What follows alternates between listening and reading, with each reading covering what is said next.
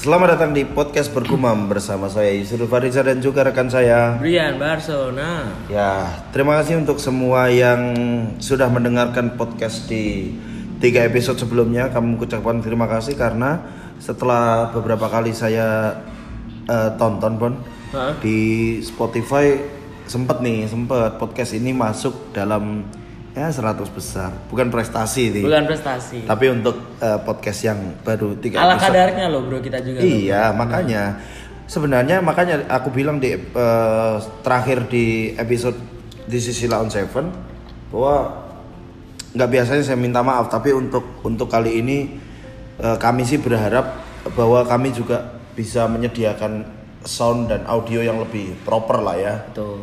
Tapi ya yang penting kan kontennya ya yang, sih? yang penting mulai dulu bro. Yang penting mulai dulu, benar benar. Karena benar. kalau terlalu lama memikirkan hal teknis, kadang nggak nggak segera dimulai karyanya. Betul betul betul. Jadi eh, episode kali ini eh, kita akan membahas mengenai siapa suruh datang Jakarta. Siapa suruh datang Jakarta?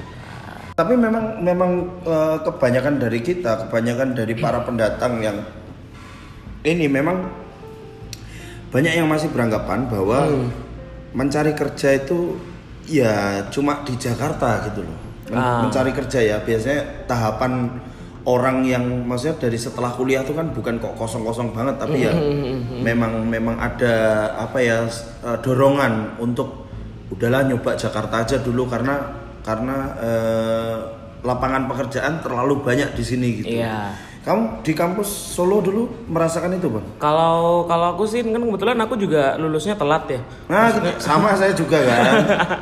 Saya eh, kuliah selama dua digit semester. Iya. Jadi eh, akhirnya ketika saya merampungkan skripsi, Skripsi, itu wisuda. wisuda itu beberapa teman sudah ada yang bekerja dan di, di ibu kota. Mm-mm. Nah eh, kalau kalau eh, kenapa dipikir apakah memang harus ke ibu kota sebetulnya antara iya dan tidak.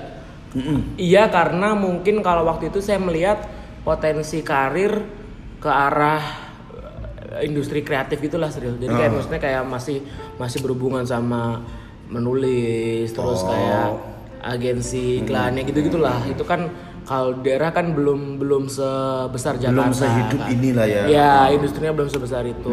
Kalau eh, misalnya nggak di dunia kreatif, sebetulnya aku juga nggak harus di Jakarta karena kan peluangnya untuk bisa hidup dari situ sebetulnya bukan hanya di Jakarta, tapi karena keputusanku untuk terjun ke apa ya industri kreatif, nah eh, solusinya ya mau nggak mau ya tetap harus ke Jakarta. Ya kalau aku sih punya pandangan beda, maksudnya eh, hampir-hampir sama, sorry, sorry, Ah. bukan beda, tapi hampir sama karena menurutku waktu itu aku kan kuliah juga eh, sudah terlalu lama kan, sudah 9 9 tahun aku S1 itu menamatkan S1 itu 9 tahun. Jadi Cro- Cross bottom dong. i eh 9 tahun lama. Tapi eh, menurutku Bon ya. Ah. Jadi eh, setelah lulus pun karena aku tuh dari dulu memang memang pengen jadi eh, jurnalis sebenarnya Oh gitu.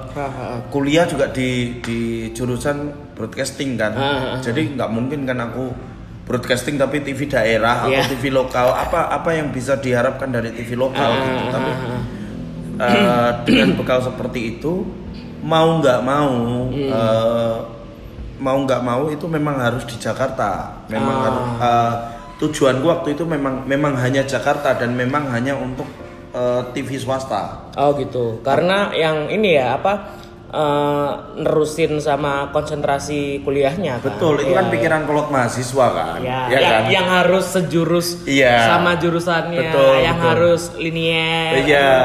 Betul pengen- yang itu biar kalau biar kalau ya, biar kalau waktu ditanyain orang tua, kamu tuh lo ngambil kuliah jurusan ini lo kerja mau jadi apa gitu. Padahal berapa persen dari kalian yang kuliahnya apa, kerjanya apa itu kan oh banyak loh. Aku, Betul. aku pernah aku pernah bikin itu di Instagram kan. hmm. Kuliahnya apa, kerjanya Iya. apa gitu-gitu. Bagaimana meraih mimpi mereka? Halah. Apa pun jurusannya, eh, apa namanya, dunia perbankan selalu siap menerima anda. Betul. kan sekarang banyak tuh ke artikel yang menuliskan tentang perbedaan milenial etos kerjanya milenial sama generasi terdahulu. Katanya itu generasi kita itu disebut sebagai generasi yang satu kutu loncat, Kutu loncat itu apa? Eh, yang nggak bertah berlama-lama dalam satu perusahaan gitu loh. Jadi misalnya sat- satu sampai tiga bulan probation lulus nih, bulan keempat, wah kayaknya beban pekerjaannya terlalu ini deh dan gajinya kurang terus akhirnya pindah lagi pindah lagi pindah lagi dan mungkin tempat kamu bekerja dan yang kamu maksud itu mungkin sudah pernah mengalami kejadian itu sebelumnya jadi kayak just in case kalau misalnya Oh. ada yang kayak gitu lagi tuh minimal yo Genro topok cross lah tiga bulan atau berapa Gen bulan rotok pokros. Iya deh, masa dua minggu masuk terus cabut kan nggak ini juga kan. Iya sih, iya. cuman, iya. cuman kalau aku pribadi sih aku kurang setuju dengan cara seperti itu dan dengan tertarik juga. apa, mekanisme seperti itu ya, Iya, dengan iya. SOP seperti itu ya. Ya, aku sih memang setelah setelah eh, stand up comedy, setelah stand up comedy itu kayak semakin ambiar mimpinya gitu loh. Iya, iya. Masih semakin ambiar gini. Hmm, Aku kan bukan bukan komika yang lahir dari kompetisi gitu. betul betul. Yang kayak kalau ingin melanjutkan ke jenjang karir di dunia hiburan itu rasanya terlalu jauh buatku. Ah. Sementara di TV itu aku nggak pernah tampil dengan dengan sangat baik gitu loh. Mm-mm. Penampilan di TV itu aku aku tidak pernah baik. Lalu ya, lah ya. ya sosok ya mediocre lah Hmm. itu. Terus memasuki dunia hiburan itu bukanlah bukanlah satu mimpi yang dari dulu pengen aku kejar. memang. Ah, Iya kan. Tapi ya ya nggak tahu nggak tahu entah keajaiban makanya begitu orang eh, bertanya bahwa apa pekerjaanmu? apa pekerja bukan begitu orang bertanya bahwa gimana caranya tinggal di Jakarta gimana caranya masuk dunia hiburan tuh aku selalu bilang bahwa wah ini keajaiban sih. Betul betul. Ini mo- momentum momentum momentum dan sebetulnya eh, kita kan sama-sama berangkat awalnya dari stand up comedy ya. Komunitas ya. Aku juga kondisinya sama seperti kamu. Bahkan exposure gue di stand up comedy mungkin nggak segede kamu juga gitu cuman eh, waktu itu kan aku masih kuliah dan eh, karena kita sama-sama mengawali stand up dari 2011 ya? 11 betul. 2011 jadi dan kita masih bertahan di komunitas. Uh, mungkin kita punya sedikit kesempatan untuk uh, berkarya. Itu s- uh, sedikit lebih banyak dibandingkan teman-teman yang ada di daerah yang lain betul betul jadi misalnya uh, dalam ya nggak nggak nggak harus seminggu sekali lah tapi satu bulan tuh ada lah dua kali tiga kali Job. job ya entah MC atau stand up.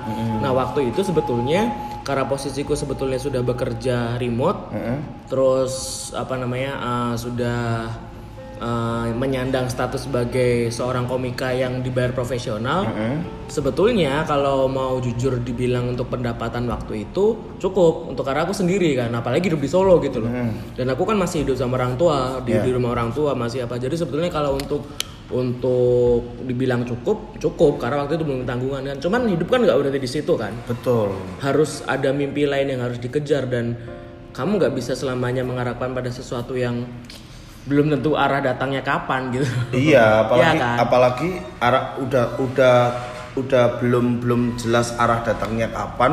Hmm. eh, didukung dengan letak geografis eh letak geografis letak apa ya industri hiburan di daerah itu kan nggak sekencang di Jakarta toh Iya. maksudnya nggak mungkin kita hidup selamanya dari industri hiburan ya memang Iya, ada iya, iya. Ada beberapa pelaku dunia hiburan yang hidup di daerahnya Hmm. tapi kan nggak nggak nggak untuk yang muda-muda juga nggak untuk pegangan satu-satunya kalau menurutku. Mm-mm. Makanya waktu itu aku eh, merasa aman dalam tanda kutip untuk seorang yang baru masih kuliah dan belum punya tanggungan istri apa itu jadi menurutku masih masih aman karena aku sudah punya pekerjaan remote dan eh, stand up gitu loh. Jadi ya buat untuk tuku permen iso lah. tapi emang di keluarga dan atau di lingkunganmu Hmm. menja- merantau di Jakarta tuh jadi kultur nggak pun kan ada tang Iya, ini keluarga yang ini kan apa Pokoknya setelah lulus ya cari aja Ah, kerja merantau. itu di Jakarta atau merantau ke mana gitu. Kalau dari latar belakang keluargaku bukan merantau ke Jakarta tapi intinya merantau. oh tapi harus merantau Nggak harus sih, tapi kalau orang dulu kan keluarganya banyak ya, maksudnya yang anaknya 9, 8 gitu ya.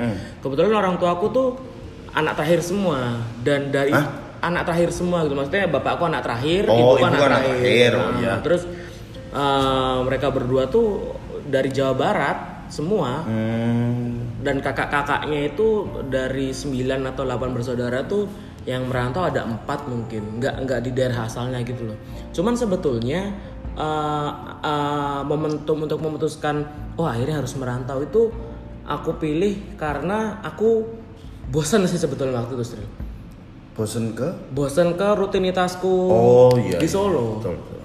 meskipun aku mengakui bahwa Solo kota yang Hmm. nyaman, kemudian Solo adalah kota yang untuk hidup itu apa ya serba kamu adalah dia bukan kota yang uh, uh, metropolitan banget, bukan kota yang juga kecil yang terpencil, Hmm. kayak in between. Tapi apa yang kamu cari di di Solo. kedua tipikal kota Oh. itu ada, kayak mau belanja apa sekarang di Solo juga udah banyak. Tapi kalau kamu ingin menemukan ketenangan, kamu melipir sedikit ke daerah pinggiran Solo masih dapat. Jadi kayak di antara-antara itu Serba kecukupan lah intinya. serba perkecukupan lah dari gaya hidup dan apa juga juga ini. Cuman waktu itu aku ngerasa eh teman-temanku udah pada keluar semua. Kemudian rutinitasku di rumah Teman-teman seangkatan. teman-teman seangkatan, teman-teman tongkrongan juga sudah mulai ada yang meniti kehidupan sama pasangan, Hmm. sudah mulai menikah. Jadi akhirnya apa ya?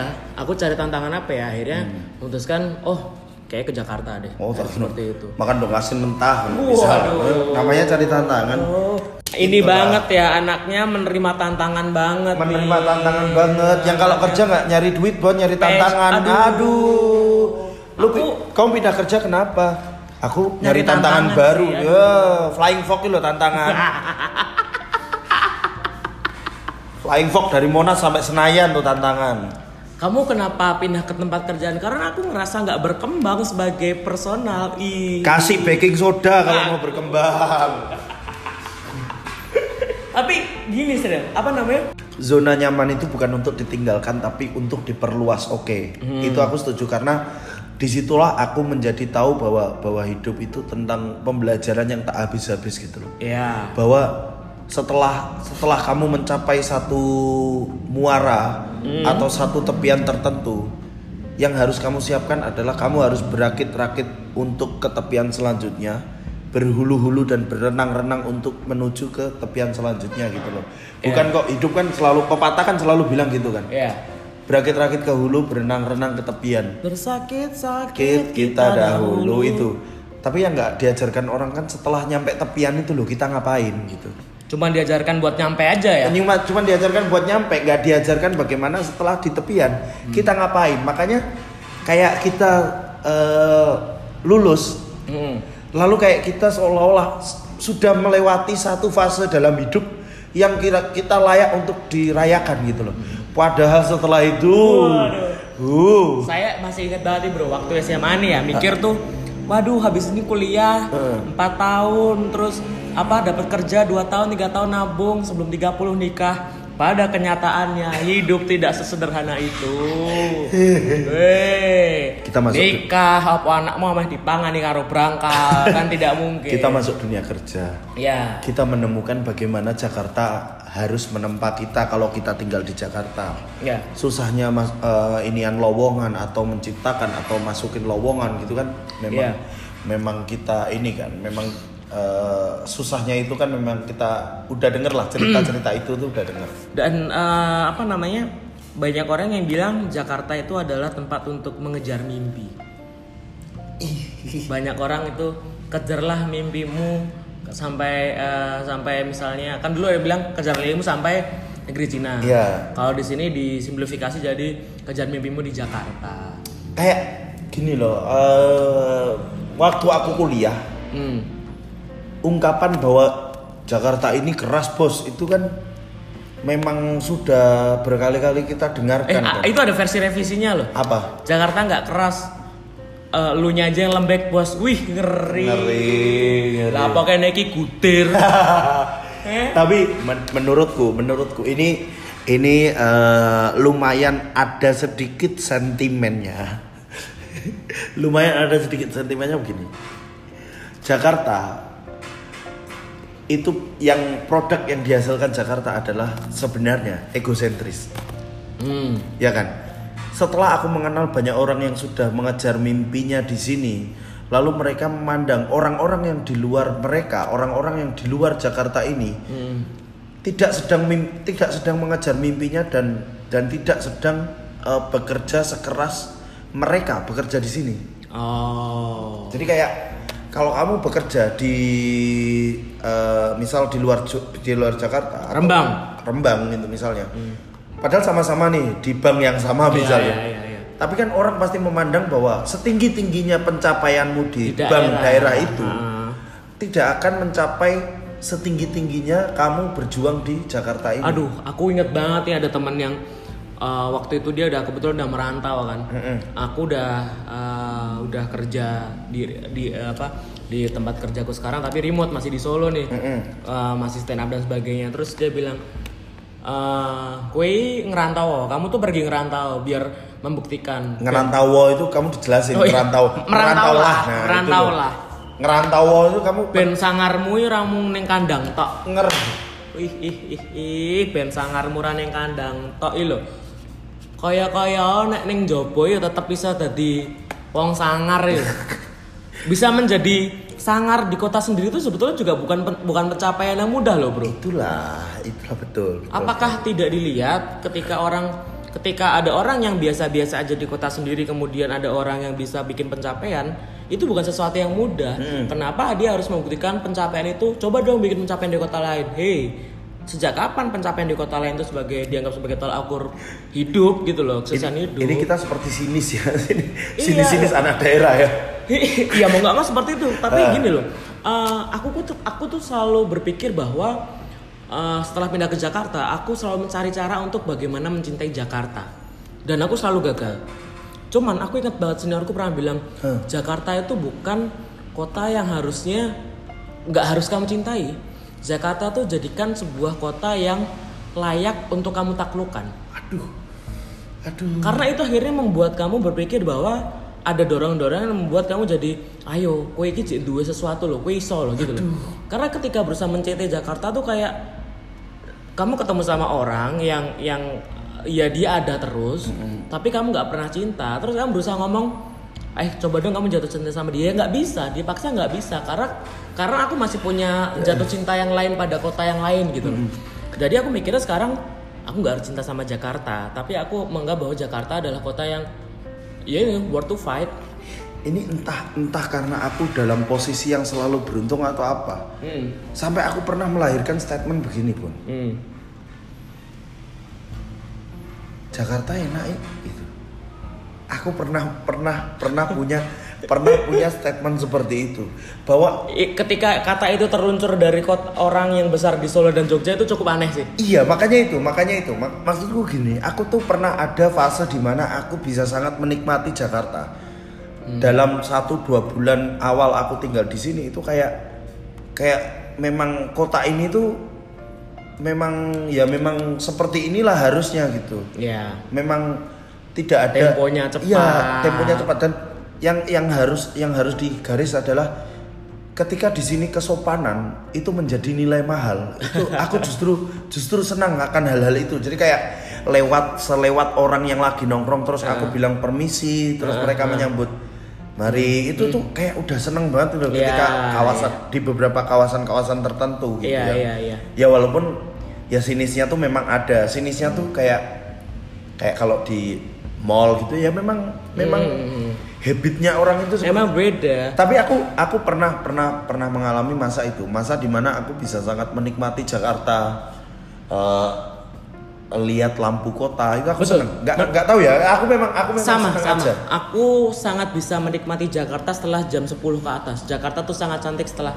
setelah itu kayak misalnya uh, eh aku- lewat ini dong Lewat- lewat, flyover Casablanca. Iya. Wah itu keren banget itu kalau udah jam Iya. 10 jadi a- ada saat-saat di mana Jakarta tuh kayak ketika semua orang sudah berhenti mengejar mimpinya Heeh. Jakarta tuh dibiarkan untuk tampil tanpa ada distraksi dari mana pun gitu loh. Wih, menawan ya. Iya kan, jadi- cantik banget.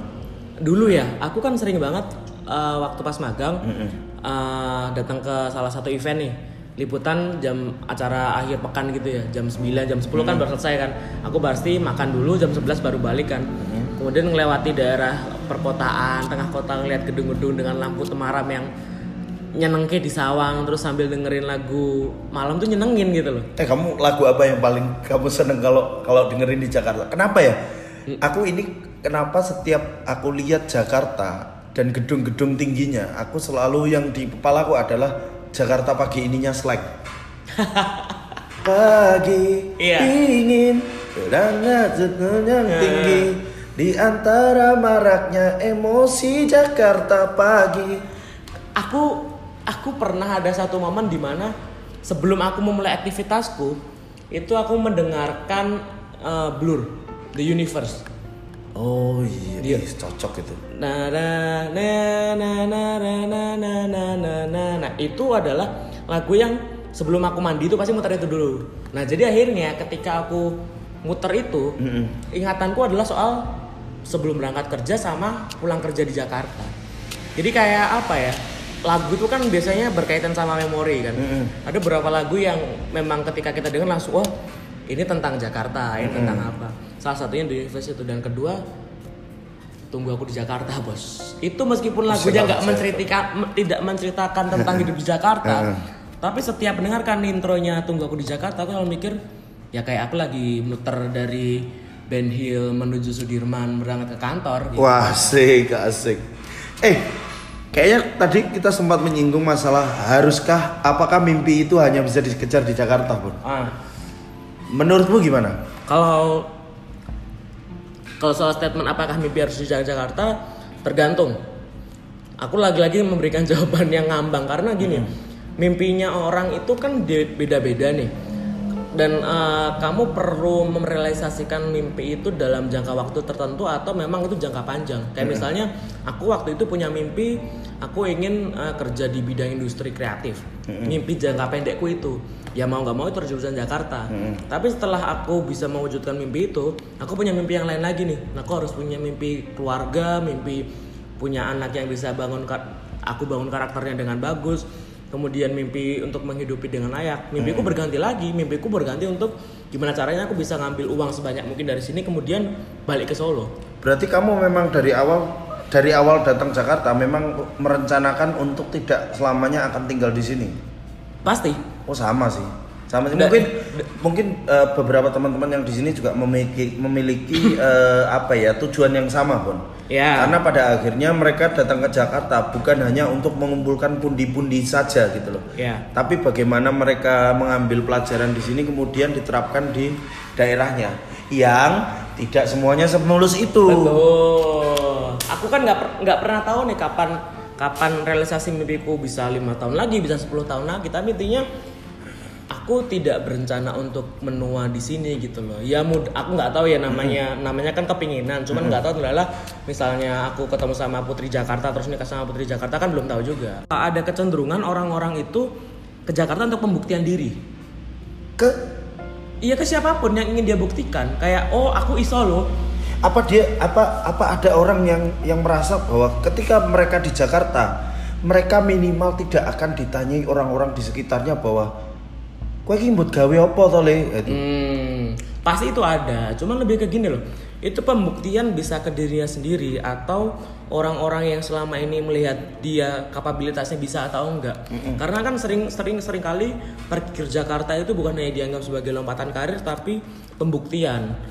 Bisa enggak kamu pergi dari zona nyamanmu, pergi ke satu tempat yang mungkin bertolak belakang dari tempatmu, kemudian kamu harus menyesuaikan ritme ritme kehidupan dan kamu menghadapi orang yang berbeda bisa atau enggak nah makanya itu ada yang bilang keluar dari zona nyaman hey Bon, menurutmu zona nyaman nih Bon? gini loh zona nyaman itu Zona nyaman itu seperti apa? Enggak, eh, jujur aja karena kita sudut pandangnya ini sekali lagi teman-teman kita ini sudut pandangnya adalah orang-orang yang sudah pernah merasakan bagaimana pahitnya nasihat keluarlah dari zona nyamanmu. Kita udah ya ampun itu tuh kayak kayak kita di daerah ini di di orang-orang yang eh, tinggal dan meniti karir di luar Jakarta ini itu seolah-olah disabet dengan dengan zona nyaman zona nyaman seolah-olah kudu rekoso sih seolah-olah Hmm.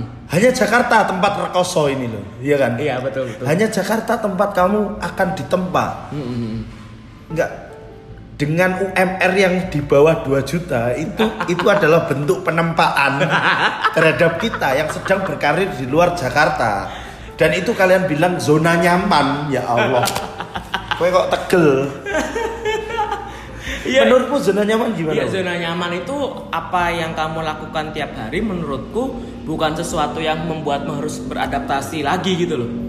oh, oh ya Iya ya, kan? ya. Kayak Ah. misalnya kamu udah tahu nih misalnya ketika di kota kelahiranmu meh jahit kayak katok neng di sesimpel itu loh. Iya. Mau bengkel langganan di mana, terus mau punya rekomendasi makanan enak di mana. Kamu misal sanyo rusak ini kamu tahu harus hubungin Betul. siapa Misalnya kemudian genteng antena miring itu kamu harus hubungi siapa, kamu tahu gitu loh. Di Jakarta kan membuatmu harus berpikir dan mencari strategi untuk bisa mendapatkan it- akses itu lagi kan. Maksudku zona nyaman itu lebih ke kamu harus tahu, eh, kamu sudah tahu apa yang harus kamu lakukan ketika kamu butuh apa. Lebih ke situ sih.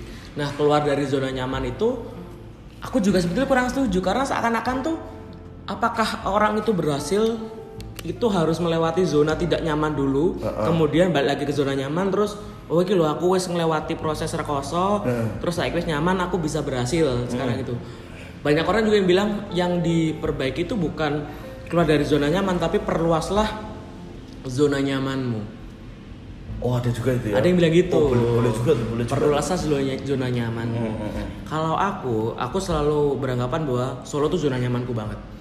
nah Jogja tuh zona nyamanku sih Iya, kota-kota kota asal kita ini adalah zona nyaman kita karena kita udah tahu nih kita udah punya koneksi banyak. Betul, kita, Kita harus sudah- melakukan apa kalau kita mene- menemukan kesusahan di situ Iya, gitu. kasarannya jam 11 malam kita apa eh, tambal ban terdekat di mana itu kita langsung tahu gitu ya. Iya, kan? terlang- kita langsung pecah ban di mana kita langsung tahu. Cuman kalau Jakarta kan menuntutmu untuk berpikir siapa yang harus saya cari, apa yang harus gimana. Nah, jadi apa ya? Kayak menurutku tuh eh zona nyaman itu bukan sesuatu yang harus ditinggalkan untuk membuktikan kamu sebagai orang yang sukses sebetulnya menurutku. Apakah zona nyaman itu adalah tolak ukur orang bisa dinilai berkembang, Bun? Nek aku Hmm, begini sih. Nek aku pendapatku adalah eh, orang berkembang itu pasti. Hmm. Maksudnya ya nek kamu nggak berkembang ya ya ngapain kamu hidup gitu loh. Hmm. Selamanya orang akan berkembang. Yang berbeda adalah bagaimana cara menatapku Ja- menatap Jakarta setelah aku tinggal dan sebelum tinggal itu sangat berpengaruh.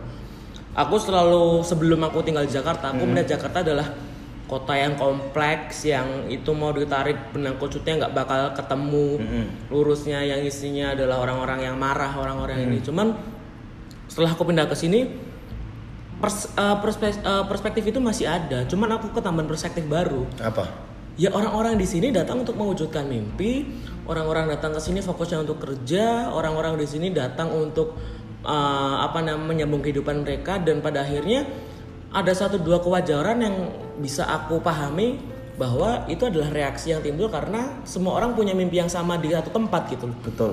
ketika kita ada di Solo atau di Jogja ada orang yang tinggal di situ karena dari kecil di situ ada yang sudah hidup apa namanya menjalani bisnisnya dari situ.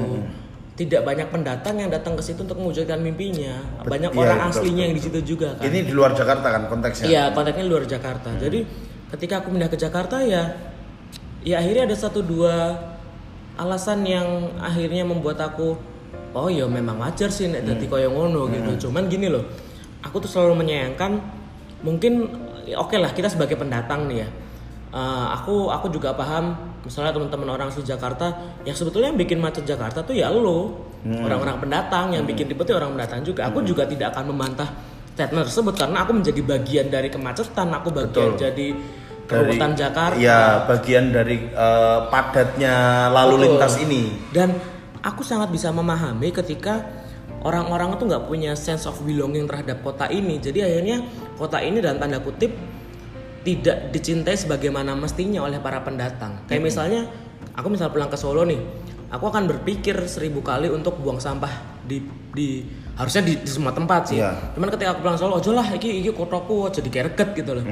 Cuman ketidakpedulian itu kadang dimiliki oleh pendatang ketika sampai di Jakarta gitu loh karena dia tidak merasa memiliki Kota ini. kota ini oh gitu kotaku gor- tempatku mencari nafkah bekerja setelah aku bekerja ya udah tanggung jawabku sebagai manusia tidak tidak berada di sini. Iya, sense of belongingnya kurang. Makanya aku tuh heran ya. Aku tidak merasa holier than thou yang uh, holier than thou yang aku merasa aku manusia paling suci. Cuman aku menganggap bahwa kalau misalnya kamu di kota kelahiranmu itu kamu bisa patuh peraturan, kamu bisa menjaga kotamu, harusnya ketika pindah ke sini ya kamu juga bisa dong. Saya setuju itu, saya setuju. Nah maksudku gini, eh dari dari pribadi kita masing-masing, Mas Ben. Hmm. Dari sejak kita ting kita memutuskan untuk tinggal sampai sekarang, adakah yang menurutmu berubah dari dari Jakarta? Bagaimana Jakarta membentukmu? Kalau aku ke pribadiku, uh, aku menjadi terbiasa dengan flow yang cepat. Wah, aku kalau aku terbiasa untuk skeptis. Iya, itu juga. Iya itu kan, juga. maksud Iya, karena iya, karena gini, karena uh, aku itu kan bekerja di bidang jasa. Iya kan, jasa itu sangat sangat tidak tidak tidak bisa dilihat secara fisik bagaimana ininya, uh, bagaimana uh, kerja dan bentuk hasil dari Iya, kerjanya itu iya. gitu. Yang ini adalah yang bisa kita lihat adalah bagaimana bagaimana lalu di belakang belakangnya ini kita mendapatkan uh, omongan-omongan atau gosip-gosip seperti apa itu kan orang yang bergerak di bidang jasa pasti pasti tahu itulah. Iya, iya, iya. Makanya kayak kayak bagaimana lalu Jakarta membentukku ya kayak kayaknya sejak sejak di Jakarta kemudian oke dulu aku memang uh, skeptis uh, tidak mudah percaya pada pada satu hal. Nah Jakarta berlipat-lipat menggandakan itu bahwa apa pun yang dilakukan orang pasti ada maksudnya apa pun yang dilakukan orang pasti untuk mengamankan posisinya dulu Baru setelah itu orang lain. Betul. Apakah itu boleh? Boleh. Menurutku boleh. Boleh, boleh. Dan itulah menurutku bagaimana hidup berjalan. Lalu aku pun terbiasa dengan itu. Iya, Jakarta tuh makanya Jakarta tuh kayak laboratorium makanya ada banyak jenis orang yang berbeda di mana kita mungkin nggak menemukan spektrum karakter itu ketika di kota kelahiran kita gitu. Karena semua orang mungkin Ah. nggak nggak nggak me- nggak mencoba untuk mengeneralisir, tapi karena eh, orang hidup dalam satu lingkup dan satu eh, lingkungan yang sama. yang mungkin. sama, yang yang apa namanya, yang uh, mereka punya satu kesepakatan sosial yang sama, Betul. kemudian latar belakang uh, identitas mereka hampir sebagian besar sama. Nah, ketika Jakarta itu sebetulnya kayak laboratorium di mana kamu dipertemukan dengan orang yang karakternya banyak, kamu harus belajar beradaptasi dengan orang yang karakternya mungkin nggak semuanya sefrekuensi sama kamu dan ya itu caramu ber apa namanya berdamai dengan itu. Nah eh, ada beberapa hal yang membuatku jadi ngerti bahwa Jakarta ini adalah kota yang emang ditujukan untuk orang yang ingin menyambung hidup dan mewujudkan mimpi. Itu ketika eh, aku ngelihat misalnya ya aku pulang nih pulang pulang kerja nih. Aku pernah loh ada satu titik di mana aku pulang kerja terus ngeliat aku ini ngopo ya tahu nggak tahu nggak Pernah aku. aku ini ngopo ya melakukan iki iki ngopo ngono loh iki duduk kota kelahiranku dalane macet, Macet. isine mong klakson. Klakson. Aku ya di Solo juga sekarang mulai macet. Cuman apa ya? Ini tuh bukan ritme yang ritme yang sangat berbeda dengan kotaku gitu. Eh, eh, eh. Ya terus kemudian hal yang membuatku tersadar bahwa aku punya masa depan dan aku punya mimpi yang masih belum aku wujudkan gitu loh. Di sini. Ya iya dong. Dan kamu masih percaya itu, Bun? Ya gimana? Sementara ketika kita punya mimpi dan hanya kita berdiam diri ya nggak akan mungkin terwujudkan dong. Mimpi itu kalau menurutku ketika kita berdiam diri dan hanya hanya skeptis apakah mimpi itu bisa digapai di di tempat itu ya akhirnya kita jalan di tempat kalau menurutku. Ya, ya. eh. Makanya ini adalah usahaku untuk mewujudkan ya adalah mimpi-mimpi yang ingin aku wujudkan hanya dengan cara aku harus ada di sini gitu. Hmm, hanya hanya bisa diwujudkan di sini. hanya bisa di sini. Cuman itu tidak menutup kemungkinan bahwa aku juga punya mimpi lain yang bisa diwujudkan di Kota lain. kota lain. Itulah kenapa Bukan menurut- kota lain sih, tepatnya di Solo sih. Itulah kenapa menurutmu eh, apakah mimpi itu bisa hanya ada di Jakarta? Jawabanmu adalah tergantung. Tergantung. Hmm, betul betul. Dan uh, ini sih aku lebih ke gini loh. Balik lagi yang aku soal uh, bagaimana orang berperilaku di Jakarta apalagi pendatang ya ketika dia bisa sangat patuh dan sangat uh, disiplin terhadap banyak aspek ketika di kota lahiran ya kenapa dia tidak bisa melakukan itu di di Jakarta. Jakarta, Heeh. ini ya mungkin mungkin orang yang kenal aku secara personal pasti tahu aku bukan tipikal orang yang kalau naik kendaraan itu yang Wat wat wat wat. Iya yang kayak gitu lah, yang sacet gitu loh. Aku ini orang yang sangat pelan kalau bawa sesuatu gitu loh. Sampai kadang mungkin orang lain gemes cuman aku sampai sekarang belum pernah naik ke trotoar. Belum pernah Motor, ngelawan motor, Iya, ya. belum pernah ngelawan arus, Arus. sampai bikin orang marah. Hmm. Belum pernah ngelanggar lampu merah udah sih. Hmm. Belum pernah yang berhenti di lampu merah yang sampai tengah yang sampai apa namanya yang Yang harusnya kalau- udah garisnya bukan di situ gitu. Ya, marka, marka. Marka. Ah, Nah, lewat marka. Aku tuh waktu di Solo, aku tuh sering banget kalau temen-temen di jalan yang lawan arus gitu loh sudah. Sering banget tak pepet. Mm-mm. Terus Oh, biar orang sengaja. itu oh, sengaja biar orang ini ayo ayo meh ngopo kok ya mending di gitu. Orangnya terus rata-rata responnya adalah kalau nggak puter balik orangnya mesam-mesem isin gitu loh, malu gitu terus melipir. Oh. Saya pernah melakukan hal itu di Palmerah. Hmm. Isinya adalah caci maki yang saya dapat. Karena saya melawan mayoritas. Nah, menurutku tuh di Jakarta itu yang saya sayangkan adalah kesadaran kolektif untuk malu berbuat salah itu yang kurang. Kesadar oh kesadaran iya iya iya aku Kesadaran tahu. kolektif ketika melakukan kesalahan itu hal yang melakukan tuh kurang. Kayak misalnya kamu gitu kenapa? Karena orang lain juga ngelakuin orang- nih, orang orang, lain lain juga. naik trotoar juga nih, orang lain lawan arus. Lalu itu secara tidak langsung menjadi sebuah sistem. Iya dan itu menjadi pembenaran Dan hal itu dibiarkan itu loh. Ya nggak apa-apa sih orang lain juga gitu. Enggak itu nggak nggak wajar bro. Ngelawan arus naik trotoar itu bukan sesuatu yang wajar karena ya itu bukan sebagaimana mestinya. Kalau bilang ya macet ya ya udah ya mepi ya gitu loh. Iya tapi waktu ya kamu di sini berkendara nggak? Berkendara berkendara. Waktu berkendara. aku pun eh, berkendara, Hmm.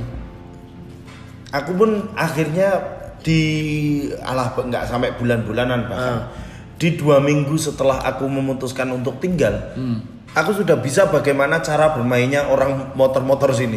Aku masih belum bisa bro. itu maksudku adalah ini pun di sini itu kayak kayaknya ya kayaknya punya punya hukum tidak tertulis di mana kalau kamu taat pada peraturan dan itu menyebabkan macet kamu salah Iya harusnya mainnya nggak gitu dong. iya makanya ini hukum tidak tertulis itu Iya, iya. itu adalah ketika kamu taat peraturan kamu berdiri di belakang marka Hmm. dengan kamu begitu kemacetan akan makin mengular di belakang itu kamu salah iya nggak sih nek, nek, Iya. nek kita berdiri nek kita di eh, pancoran wes Iya, pancoran iya. itu kan biasanya kalau yang sana udah kelihatan kosong maju disuruh maju Iya saya sering tuh diklaksonin. bahkan polisi Iya, sempat iya. begitu Kalau aku sih mikirnya gini sih. Karena mungkin aku berasal dari tempat yang di mana aku tahu standarnya untuk berperilaku dan bertindak itu harusnya seperti itu. Misalnya harusnya berperilaku di jalan ya harusnya taat marka, harus di jalan semestinya.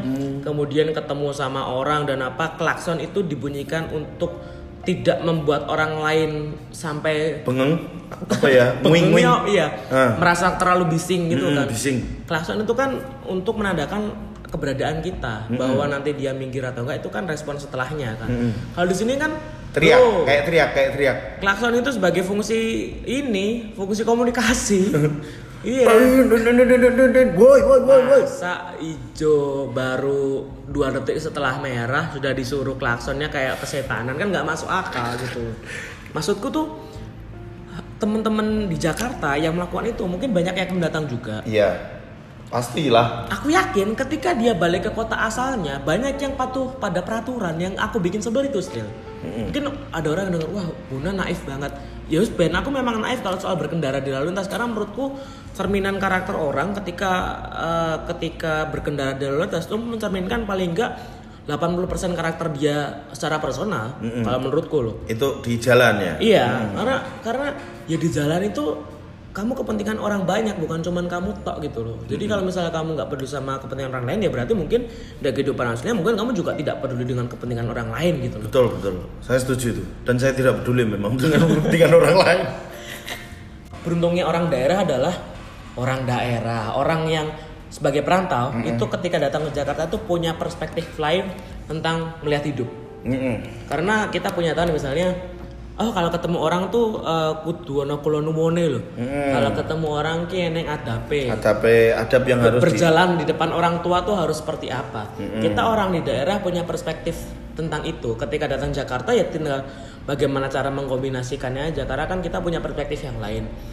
Temen eh, kayaknya Adri yang pernah bilang, eh, bukan eh, iya Kolbi Kolbi Kolbi. Subono. Bu, waduh. Siapa tahu? Ya, Awang- ya bisa, Iya Adri kan? Subono bisa. Adri Cuman kan di bisa. irisan pertemanan kita, apakah kita berteman dengan Adri Subono kan tidak. Adrian Mutu. Adrian Mutu lebih tidak mungkin lagi nggak masuk akal bro anda bro. Adrianonya Inter tuh mungkin. Ini fenomenon. Eh, Kaisar bro. Jadi itu ada orang itu pernah bilang, ya ingatku privilege-nya orang yang perantau itu adalah dia punya eh, perspektif lain. Oh iya, iya, iya, aku tahu. Maksudnya adalah dia tidak punya kultur pembanding. Betul. Ya, itu. itu. yang maksudku itu. Ya. Jadi sebetulnya ayolah teman-teman sesama perantau. Kita ini udah di kota orang, di kota orang loh. Ya harusnya dijaga lah meskipun kamu nggak harus cinta dengan kota ini, tapi mbok ya jangan ikut menambah rentetan masalah yang ada di kota ini. Ketika di Jakarta temukanlah alasanmu untuk bertahan. Baik itu Wow. sekumpulan ataupun seseorang. Iya, aku aku pernah mengalami itu. Maksudnya aku pun pernah mengalami bagaimana depresinya Jakarta ini bicara masalah karir yang tidak berbicara masalah masalah masalah apa ya masalah Capaian hidup lah. Iya, capaian hidup. Betul. Yang di topik pembahasannya adalah eh, nostalgia dan senang-senang dan Betul. dan kayak kita kembali di refresh dengan tertawaan masa muda gitu loh. Itu yang Aku juga berpikir seperti itu sih. Alasanku masih bertahan di sini ya karena ada ini, ada orang-orang dari Solo yang ada di sini. Iya, Orang-orang iya, di kan. lingkar pertemananku yang masih ada di sini. Karena kan kebetulan teman-temanku kuliah juga ada ada banyak yang di sini. Kemudian eh, teman-teman juga banyak. Ya, pokoknya menurutku tuh misalnya ketika kamu oh, kamu kan pasti punya mimpi dan kamu punya ekspektasi untuk dapat apa di sini kan Mm-mm. dalam usahamu untuk sampai ke sana harus ada sesuatu yang membuat kamu bertahan gitu loh. betul betul sekali. Entah itu sekumpulan atau seseorang, ya memang harus ada yang membuat kamu bertahan dan menurutku selalu menyenangkan ketika kamu bisa memiliki orang yang bisa membuat kamu untuk tetap bertahan di sini gitu loh. Hmm, ah, ya walaupun alasan terakhirnya ah, alasan orang tua kan macam-macam ada yang Hmm. ada yang ah, bertahan karena karena mimpi, ada Hmm. yang bertahan karena ya bagaimanapun yang ada ada beberapa ada orang di rumah yang mungkin menanti Ah, menanti kabar bahwa Iya, iya, anaknya di iya. perantauan sedang dalam Aduh. dalam keadaan baik-baik saja dan betul, bahagia. Betul. Kesuksesan itu hanya bonus dan bukan sebuah capaian gitu loh. Ditelepon orang tua, gimana tadi di kantor, lancar toh, Eh, udah makan, terus tabungan masih ada, Hmm. Masih. masih. Ya, itu- Padahal di rumah cuman makan super bubur. Ini nggak apa-apa. Yang penting kan maksudnya orang Iya. di rumah itu taunya kita di sini adalah bahagia, Betul. baik-baik saja dan sedang bekerja. betul, betul, betul. Jadi eh, kalau buat aku sebagai closing statement, menurutku eh, mimpi itu nggak harus dikejar di Jakarta. Ya, mimpi Mm-mm. Nggak tidak harus dikejar di Jakarta, tapi ada mimpi yang bisa kamu wujudkan di Jakarta. Iya betul dan eh Jakarta bukan satu-satunya kota paling paling yang dinamakan paling keras lah walaupun Iya. di sini yang bisa yang yang bisa dikatakan lebih keras dari yang lain adalah karena di sini me- menampung banyak kultur dan banyak terlalu banyak mimpi yang harus dicapai di sini gitu loh. Jadi masing-masing orang sikut-sikutan ya memang memang memang begitulah cara cara orang memenuhi mimpinya gitu loh. Ada banyak mimpi yang yang digantungkan di langit-langit Jakarta ini. Jakarta keras, tapi lebih keras helm ciduk abri. keras loh bos, itu keras loh bos. Itu ditembus peluru, eh bisa nggak ditembus peluru loh bos itu bos. Keras itu bro. Asu, statementmu bajingan. Iya. Ya kalau eh, Jadi ini ya kalau buat saya, buat teman-teman yang mau mewujudkan mimpi di Jakarta, silakan. Jakarta masih sangat ter- eh, terbuka luas untuk buat anda untuk mewujudkan mimpi. Cuman Betul. kalau kamu menganggap di Jakarta akan semulus uh, orang-orang yang uh, selalu membagikan cerita sukses itu adalah big no. Hmm. akhirnya yang yang aku lakukan saat aku saat aku meng- mengalami itu adalah aku mengumpulkan teman-temanku teman-teman kuliahku yang dulu eh, waktu di kampus tuh kita satu geng lah ya Heeh. satu geng yang Seru ya, Seru, seru temen-temen banget. seru tongkrongan. teman-teman tongkrongan seru gitu Aduh, anak yang daerah nih emang. yang kalau jajan masih patungan bon bukan Aduh. bukan yang rebutan kayak udah pakai duit gua aja udah pakai Iya, duit gua yang aja ini ya, yang uh, masih apa namanya masih jujur dalam tagihan ya. ah itu dia eh berapa tadi segini segini segini Udah udah nggak usah nggak usah nggak usah, usah, usah. Ih. Sampai di rumah bangsa, sair orang atus, sair orang atus, sair orang atus. Sering itu bro saya menemukan seperti itu. Bro. Ya kalau anda mengeluh kenapa tidak dibilangin dari awal? harusnya soal-soal kayak gitu kan anda keluarin di awal Betul. namanya pertemanan yang pertemanan Iya. finansial itu bukan tolak ukur bahwa kamu sudah sukses lalu kamu bayari teman-temanmu. Ya enggak Iya, juga. Ya tetap kamu harus memikirkan bahwa di kota ini kamu tuh masih hidup lebih lama. Iya bro. Nah, jangan, waktu itu- jangan karena serawung anda kemudian hanya bisa makan pohong dong, jangan, dong. jangan dong. waktu itu memang eh, alasan bertahanku adalah aku punya banyak teman-teman yang yang pada akhirnya di luar circle waktu itu kan dominan anak-anak circleku terdekat adalah anak-anak stand up kan waktu, Ah, waktu itu. Maksudnya di luar circle itu aku masih punya teman-teman yang dari dulu bagaimana mereka mengenalku Ah. yang tidak berbicara Sebagai orang yang pernah besar di kota selain di Jakarta, aku menganggap bahwa setiap kota pasti punya potensi yang belum digarap dan Betul. setiap kota itu pasti punya uh, lahan untuk mewujudkan mimpimu juga. Misalnya kamu uh, tidak ingin menggantungkan hidupmu pada uh, ketidakpastian mimpi di Jakarta, potensi kotamu ya dimaksimalkan. Betul, walaupun pada akhirnya eh, perjuangan untuk memenuhi apa ya eh, potensi itu pasti akan ada jalan yang lebih berat daripada yang di sini gitu. Ya. Karena di sini kan maksudnya lingkungannya itu kan kayak lingkungan yang benar-benar ada dari A sampai Z tuh kamu bisa mewujudkannya semuanya di sini.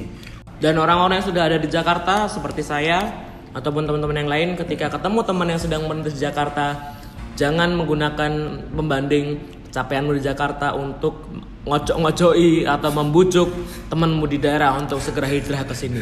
Gak semua mimpi itu harus diwujudkan di sini, Bro. Betul dan closing statement dari saya tidak semua orang yang bekerja tidak menggunakan hati adalah seekor sapi teman-teman. Terima kasih sudah mendengarkan podcast bergumam episode Siapa Suruh Datang Jakarta. Sampai jumpa lagi di episode yang selanjutnya. Bye bye.